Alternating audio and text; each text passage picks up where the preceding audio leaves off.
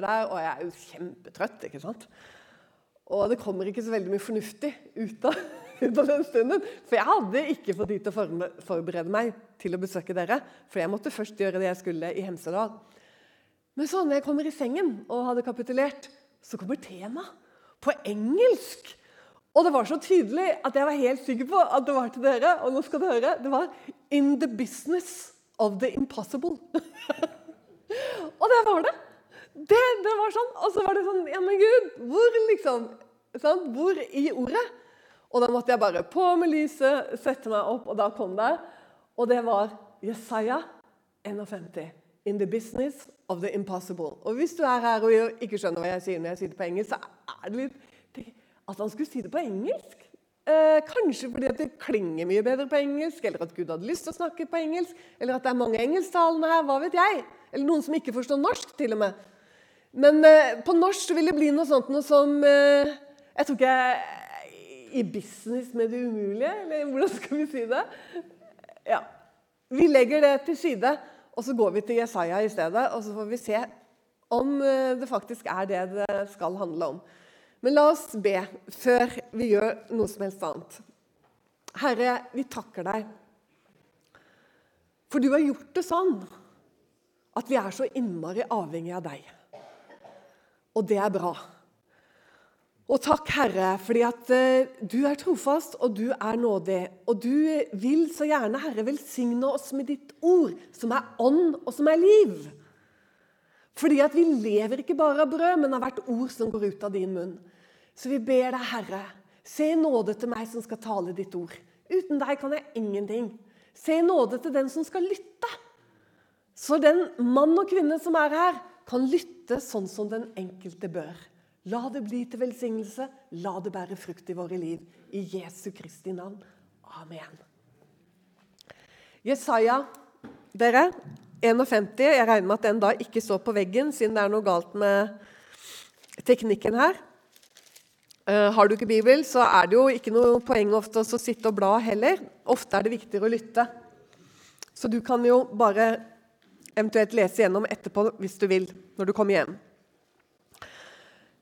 Hør på meg, dere som jager etter rettferdighet, dere som søker Herren. Åh, da jeg åpna Bibelen og tenkte at er det dette jeg skal få lov å tale om, Herre, så ble det sånn utpust. Dere som søker Herren, hva? Det var jo akkurat det jeg hadde gjort i noen timer, dødstrøtt foran peisen, eh, uten at det kom så mye ut av det. Dere som søker Herren. Det, det var dette ordet, vet du. Jager, hva? Dere som søker Herren og jager på, liksom. Se på det fjellet som dere er hugget ut av. Og se på den brønn som dere er gravd ut av. Hæ? Sånn. Det er jo ikke noe du blir veldig klok av. Sant? Jeg liker å lese Bibelen sakte. Du blir jo ikke veldig klok av dette. Eh, hvis du går på grunnteksten her, som på hebraisk, så står det ikke fjell, det står stein. Se på den steinen som du har hogd ut av, og se på den hva skal vi si, grøften, eller nærmest avgrunnen, som du har dratt opp av. Ja vel? Så fortsetter han. Se på Abraham, og se på Sara, som fødte dere. Da han bare var én. Velsignet jeg ham. Hæ? Nå begynner vi å få litt mer kjøtt på beina her. Hæ?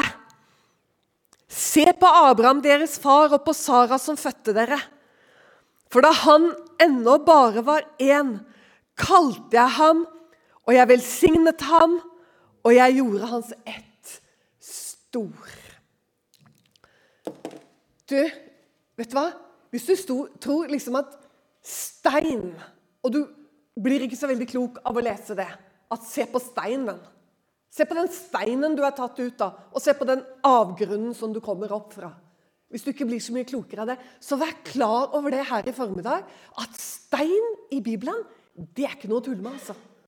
Det er du, det er både I Gammeltestamentet så står det masse om en spesiell stein. Og, og, og den kan du følge helt tilbake til eh, Det faktisk i eh, første Mosebok, i det ellevte kapitlet, så begynner Gud å tale om sånn, noe, noe spesielt om steiner. Og så sier han noen steiner som er veldig overraskende. fordi, hør her, Er det noe vi ser på som helt dødt, meningsløst, håpløst, så er det å være daud som en stein. Altså, Vi bruker det jo som et fast uttrykk. Vi sier rett og slett 'stein dau'. Om et håpløst prosjekt. Det er, det er stein dødt. Noe som vi bare må legge i grus. Vi må legge det ned. Altså, Vi snakker om det i forhold til det umulige.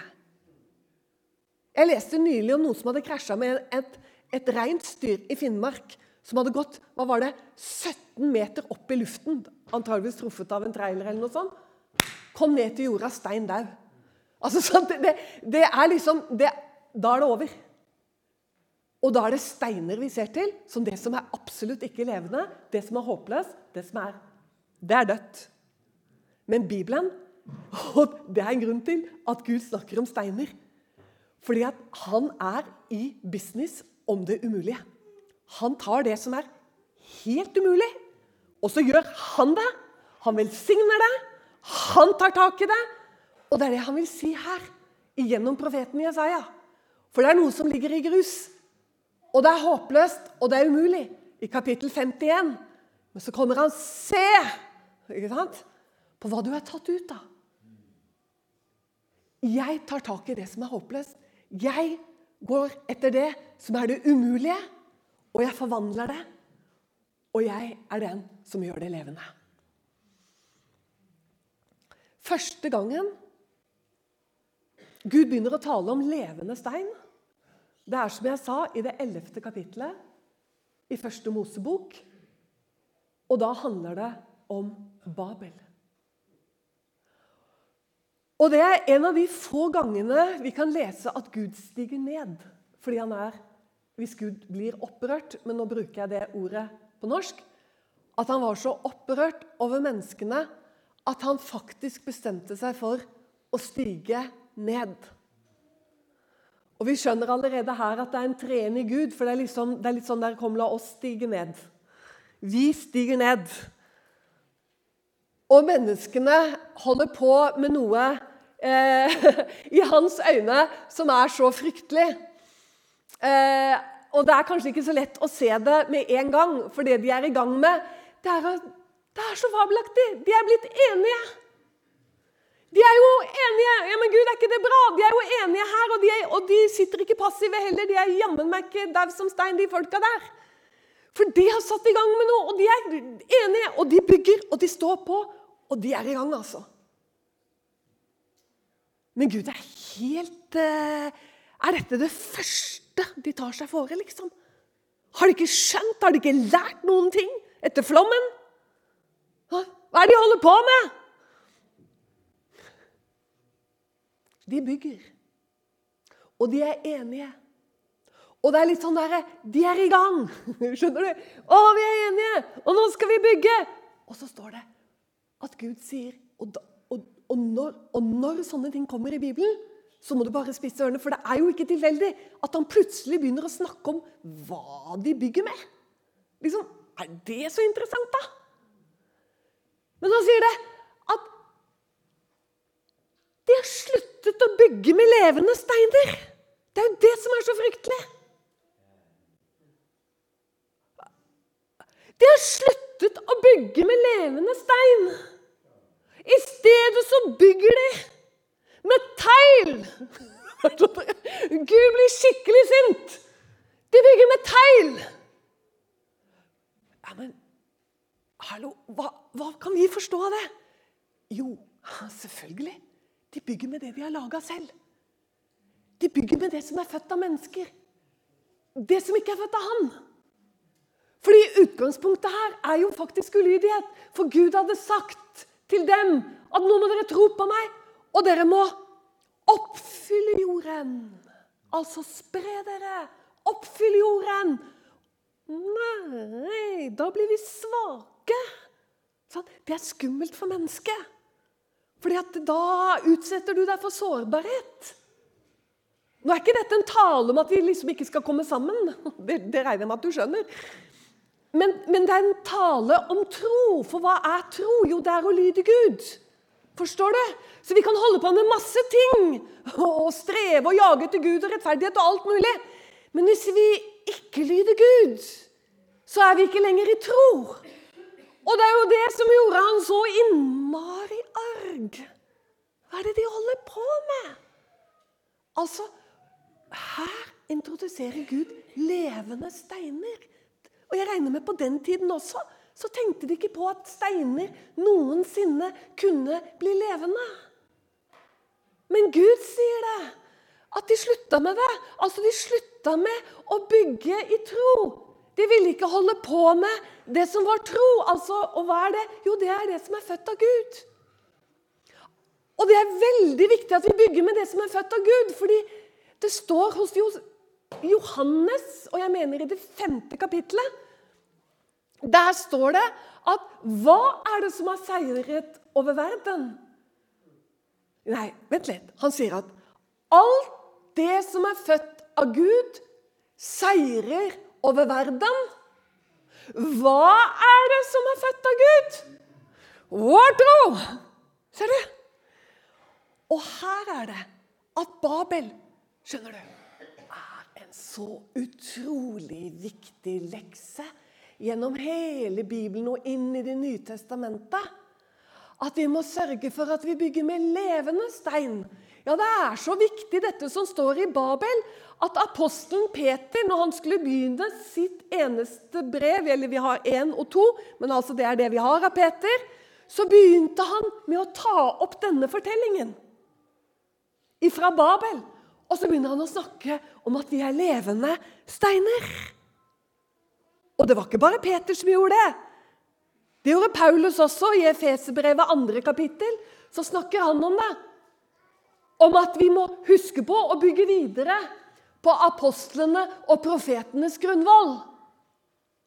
For hjørnestenen, altså den selve hovedlevende stenen, det er Kristus. Han er hjørnesteinen. Altså Det betyr at Gud bygger med et spesiell metode. Hvis det er noen byggherrer her. Han bygger med hjørnestein. Utelukkende. Og når du har hjørnestein, så bygger du med levende stein. Men når du bygger med tegl, så trenger du ikke noe hjørnestein. Forstår du? Det du trenger, det er å kjøre alle sammen inn i samme mal. Altså Du bare trekker alt inn i samme mal. Og, og, og, og selve, eh, selve, materien, den er lagd av mennesker. Den er, den er forma til. Skjønner du? Kladda til. Formen er lagd av mennesker. Alle sammen trykket inn i dette her. Og da kan du bygge høyt. Du kan bygge fort. og du kan bygge stort. Men Gud hata det. For det var ikke bygd i tro. Det bygget ikke på hva han hadde sagt. Ser du? Det går an, altså, det går an for kristenheten for å si det sånn, å bli kjempeenige om et sett av ting. Og det er veldig bra at vi er enige. Det er bra. Men hvis ikke det, grunnvollen er de levende steinene, altså Guds ord, Kristus selv, så er det livsfarlig å fortsette å bygge. For du skjønner, da kan Gud komme til å stige ned. Hva i alle dager er det de holder på med? For det var ikke noe sånn, det var ikke noe sånn Sodoma-grusomheter her. Det var ikke noe sånn, det var ikke noe sånne eh, ugudelige vederstyggeligheter, sånn som når han steg ned over Sodoma. Nei, han steg ned for å lage et eksempel for all ettertid. Bygg ikke med annet enn det som er født av ham. Og, og, og Derfor er det også så viktig at vi kanskje ikke får det alltid så veldig godt til selv. Og, at, ja, og kanskje også det eksempelet det har jeg ikke tenkt på før, men også nå. Det at eh, man må først gi det man har, og så må man gå i ydmykhet om og om igjen til Gud for å få noe nytt. Og det er jo bra, fordi det må jo, det må jo være født. Ellers så er det dødfødt, for å si det sånn. Det er en så viktig fortelling, dette her. med, med, med, med Babel, at den fortsetter gjennom Bibelen. Og det er jo derfor at Abraham ble den levende stein foreløpig. Fordi når vi leser Jesaja 51, så skjønner vi jo hvem Jesaja snakker om når han sier 'se på den steinen dere har tatt av'. Og se på den greften, altså dette tomme, egentlig døde morslivet. Men så Gud lot føde på ny. Sara. Han ville gjøre det umulige mulig. For det er sånn Gud gjør ting. Forstår du? Så når, når vi leser først om steinen i Isaiah 51, så skjønner vi jo allerede i neste vers at det handler om Abraham. Og det er jo så utrolig bra, for hva er det som kommer etter Babel i Bibelen? Hva er det? Først er det menneskets prosjekt. Vi gjør det på denne måten. Og dette kommer til å gå bra, for nå er vi enige, og nå gjør vi det sånn. Og det blir bra. Og vi skal bygge høyt, og vi skal få et navn gjennom dette her. Alle dere som strever, som jager etter Gud, kanskje til og med inn i blant troens folk. Og så, neste kapittel, så er det Gud som tar over hvordan han gjør det når han skal gjøre ting. Hmm. Er det noe umulig her? Er det et elendig utgangspunkt å se? Skjønner du? Så tar han en mann, og så tar han en kvinne, som er absolutt umulig. Og så sier han Men jeg velsignet han. Da han bare var én. Det er så fantastisk. Da han bare var én, så velsignet jeg han. Og se, han snakker til folket sitt. Se, Israel! Se hva du er hogd ut av. Du er hogd ut av det umulige. Se, menighet, hva du er hogd ut av. Du er hogd ut av det umulige, det som er født av Gud. Bli der. Tør å være der. Det er det Skriften ber oss om. Gjennom ordet. Å være der i det som ser håpløst ut i tro til Gud at han kan gjøre det hele på nytt. Og gjøre at det kommer ut av ingenting. Jeg har hatt et forhold til steiner helt ifra jeg ble frelst. Og jeg eh, ble frelst Jeg må jo si jeg var godt voksen, jeg var 30 år. Og apropos umulig kommer fra en familie hvor eh, ingen trodde på Gud. Eh, I hvert fall ingen, eh, ingen som helst prat om Jesus i mitt hjem. Fantes ikke en bibel. Og ut av det umulige så finner han meg, et sønderknust person, nedsyltet i bøker, travel, strevsom, på Blindern på fjerde året, kommer til meg på natta. Og frelse meg på natten. Uten at jeg kjente et kristent menneske. Uten at jeg hadde vært i en kirke annet enn på julaften. Så tar han en død stein og velsigner den. Og gjør den levende. Så for meg er det ikke så veldig vanskelig å skjønne at jeg har blitt en levende sten. Fordi jeg vet hva det var før. Og jeg vet at han gjorde det helt umulige mulig. Til og med en som lo litt, ikke åpenbart, men litt, av kristne, syntes de var litt sånn Jeg kunne nok tro at det fantes en gud, men ikke den kristne Gud og fortellingen om Jesus og korset. Det var virkelig dårskap. Og noe av kanskje det mest årete jeg kunne høre, det var liksom gitarmusikk og evangelietoner. Og så gjør han den døde steinen levende. Og så blir alt det du før lo av og syntes var tåpelig og foraktelig, det elsker du. I dag, hvis Frelsesarmeen står på Majorstua spiller, så stopper jeg og står og synger med. Det er i seg selv et gudsbevis. Altså, Det er det der å ha det gudsbeviset som er deg selv. Det er kolossalt skjønt. Det er ikke alle som har en sånn til og fra. Men uansett så vil jo Gud med oss alle gjøre oss fullstendig klar over at dette prosjektet her, sånn, det har ingenting med meg å gjøre. Det er utelukkende Gud. Og det gjør at du har en hvile i tjenesten din gjennom hele veien. Du kan puste med magen fordi du vet så veldig godt hvem det er som har stått for alt sammen. La oss eh, bare følge steinen litt til. Og som jeg sa, la oss følge den inn i, eh, inn i Det nye testamentet. Men for deg som liker å lese i Bibelen, så har jeg lyst til å si til deg at du kan studere steinen i Bibelen. Og du kan begynne i 11. kapittel i første Mosebok. Og derfra så kan du gå til eh, Jakob. Det er jo en nydelig apropos. Det kommer jeg på nå. Jakob og Betel. Det er jo fantastisk. Altså, tenk, deg, tenk deg hvor fortvila han var. Har han måttet forlate alt i likhet, i likhet med sin bestefar. Han hadde måttet bare løpe av gårde og rømme og forsvinne. Og dra tilbake til det de hadde dratt fra. Det, det, det er, et uh, håpløst prosjekt som Jakob følte at han hadde lagt seg ut med. Og så kommer han halvveis og har kommet til et sted som for all ettertid heter Betel. Et eller annet sted i begynnelsen av Samaria.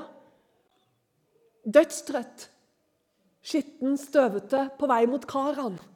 Hedningenes Karan. Det som de var flyktet fra. Og legger seg ned for å sove. Apropos stein. Du vet at Når Bibelen forteller sånne detaljer, så er det en grunn til at den gjør det. For allerede her så er det denne levende steinen som åpenbares i Bibelen. Som, som forberedes denne steinen som skulle hete hjørnesteinen, som er Kristus selv. Jakob tar en stein og så legger han den under hodet sitt og sovner. Og ligger der under åpen himmel. Men så drømmer han at han ser en stige satt mellom jorden og himmelen. Og han ser Guds engler fare opp og ned. Det er en forbindelse. Det er en relasjon. Det er et hus. Det er en som er hos meg. Når han våkner, så er han så velsignet og takknemlig og gudfryktig at han er her, på dette sted. Så den steinen, den tar han. Og dette er ikke noe avgudsdyrkelse. Dette er begynnelsen på åpenbaringen av Han som er forbindelsen mellom himmel og jord. Hjørnesteinen som han lå på med hodet sitt. Han løfter den opp, heller olje på den som en minnestein. Der er også steinen. Og det er viktig. Og den kommer igjen i Jakobs liv. Når han er tilbake igjen, og Gud har holdt sine løfter, så minnes jeg jeg skal ikke si det sikkert, at han igjen tar tak i en stein. Fordi Gud taler. Det er Gud som taler igjen når han kommer tilbake til Betel. Vet knapt at han er tilbake der. Har vært borte i mange, mange år. Så kommer han tilbake til Betel. Gud har holdt sin hånd over ham. Hei, hei, igjen! Gud taler. Du heter Israel. Jeg skal velsigne deg. Sant? Du heter ikke lenger Jakob. Det er sånt et Hva skal jeg si? Det er sånt et prosjekt. Det er så umulig. Det er utelukkende Gud. Hører du hva jeg sier? Det er utelukkende Gud. Det er det steinen handler om. For vi har så lett for å tro at vi må, og nå skal vi, og opp med armene, og gå på. Skjønner du?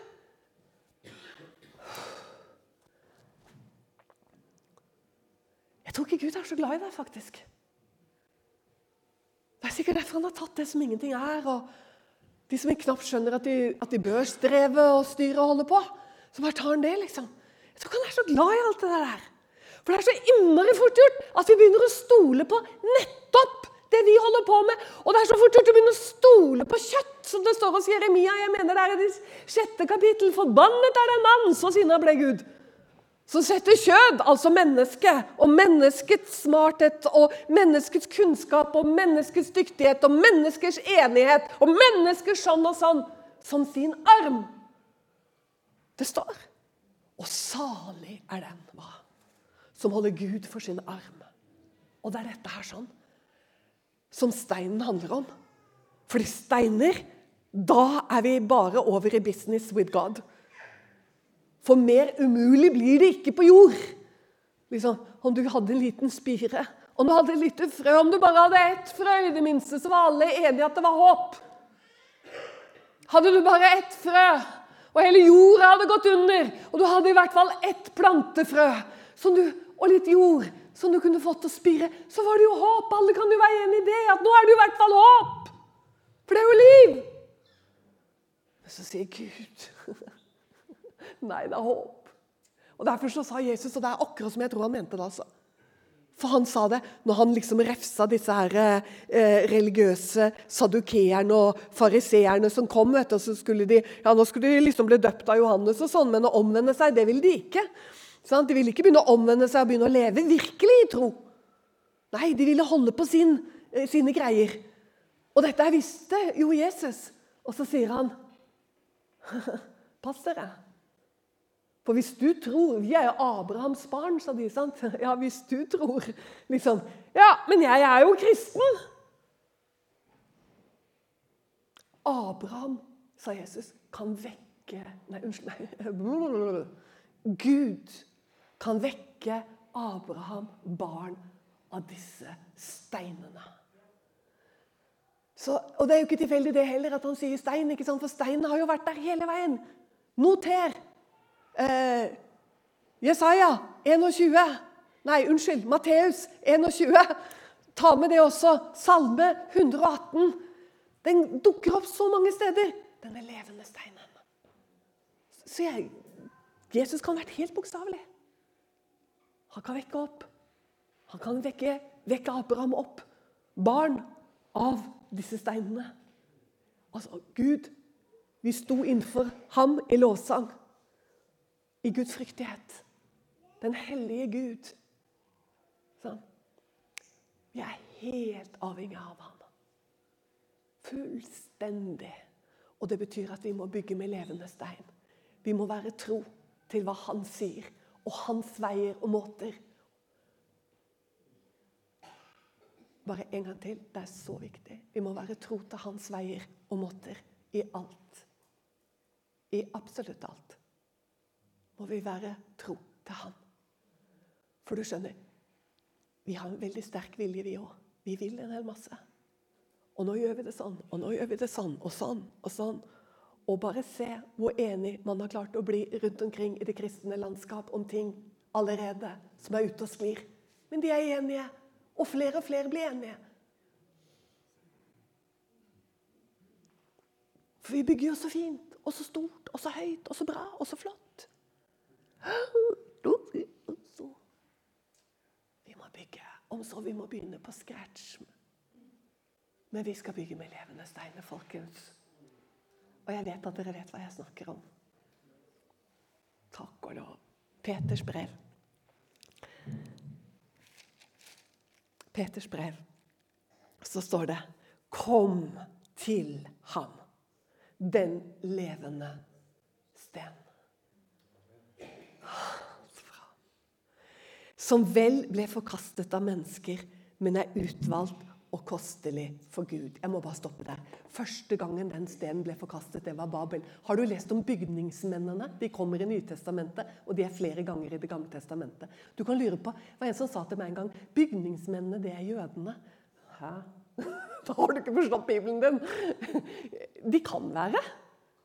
Bygningsmennene kan være hvem som helst. Det er de som bygger med tegl. Kilden til bygningsmennene er Babel. Kilden til bygningsmennene er første Mosebok 11. Det er de som bygger med det som er skapt av mennesker. Det er bygningsmennene. Det kan være jøder, og det kan være hedninger. Men de er bygningsmennene. Og de trenger ikke hjørnesteinen Guds ord. Kristus. Hør nå. La oss ta det bygningstekniske her. Hvis du skal bygge med levende stein, så må du ha en hjørnestein. Fordi at alt du legger ned i det byggverket, må være i nøyaktig overensstemmelse med hjørnesteinen. Hvis det kommer ut av så står hele byggverket i fare for å rase.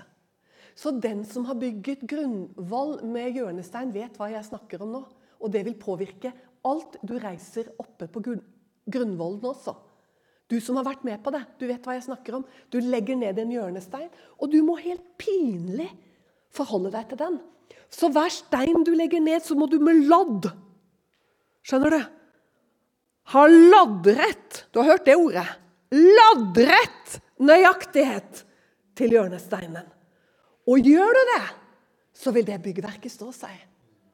Men da bygger du med levende stein. det er så kult! Men hvis du bygger med tegl Du trenger ikke noe hjørnestein. Eh, jeg vet ikke, Det kan godt hende du trenger lodd, for dere må ikke tro jeg er bygningsingeniør. det er jeg ikke, ikke sant? Men du trenger ikke noe hjørnestein. Men det du trenger, er at alle steinene er helt like ah, Man blir jo litt nervøs bare av å si det høyt. ikke sant? Fordi vi vet jo at Gud skaper jo ingen kopier. Han skaper bare originaler fordi han holder på med levende stein. Og det er, det er mer komplisert, og det går saktere. Fordi at hver stein kan være så innmari individuell. Skjønner du? Og du veit ikke helt hvor skal du tilpasse og legge ned denne steinen. Hvor hører den til? Og de kan være litt kantete, og de kan være for runde. og alt mulig. Men det er liv i dem! Så, så du, kan, du, kan, bygge med dem. Men det går litt saktere. Vidunderlig. Men når du har fått alle like helt, altså det, det, er viktig, altså, de er prikk like. Så kan du bygge du kan bygge utrolig fort, og du kan bygge utrolig høyt. Og du får skikkelig fart på dette her, altså. Å, må Gud bevare oss fra slike byggverk. At vi bare vet at dette handler ikke om noe liksom Ja, det er sånn vi gjør det nå. Selvfølgelig ikke. Ingen kristne vil bygge med tegl. Selvfølgelig ikke. Vi vil bygge med levende stein fordi vi veit at han den levende, han har gjort oss levende. Og Peter sier at når vi bygger på den måten, så skjer det noe helt vidunderlig ut av det. Og nå skal vi gå til avslutning og høre det vidunderlige som kommer ut av det. Altså, kom til ham, den levende sten, som vel ble forkastet av mennesker. Det var bare det jeg også må ha med. Første forkastelsen var Babel. Forstår du? Første forkastelsen var allerede Babel. Og bli også dere oppbygget som levende stener til et åndelig hus, et hellig presteskap, til å frembære åndelige offer. For det heter i Skriften Se, jeg legger i Sion en hjørnesten, utvalgt, kostelig. Og den som tror på ham, skal ingenlunde bli til skamme. Halleluja. Så bra. Syv. Dere altså som tror, hører æren til. Men for de vantro, Babelbyggerne, er den sten som bygningsmennene forkastet, blitt til hjørnestein. Det er den. Men for dem er den snublesten og anstøtsklippe.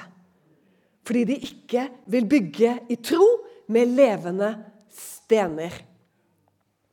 Disse som snubler ved sin tro, akkurat som jeg sa, disse som snubler ved sin vantro, mot hva da? Mot ordet!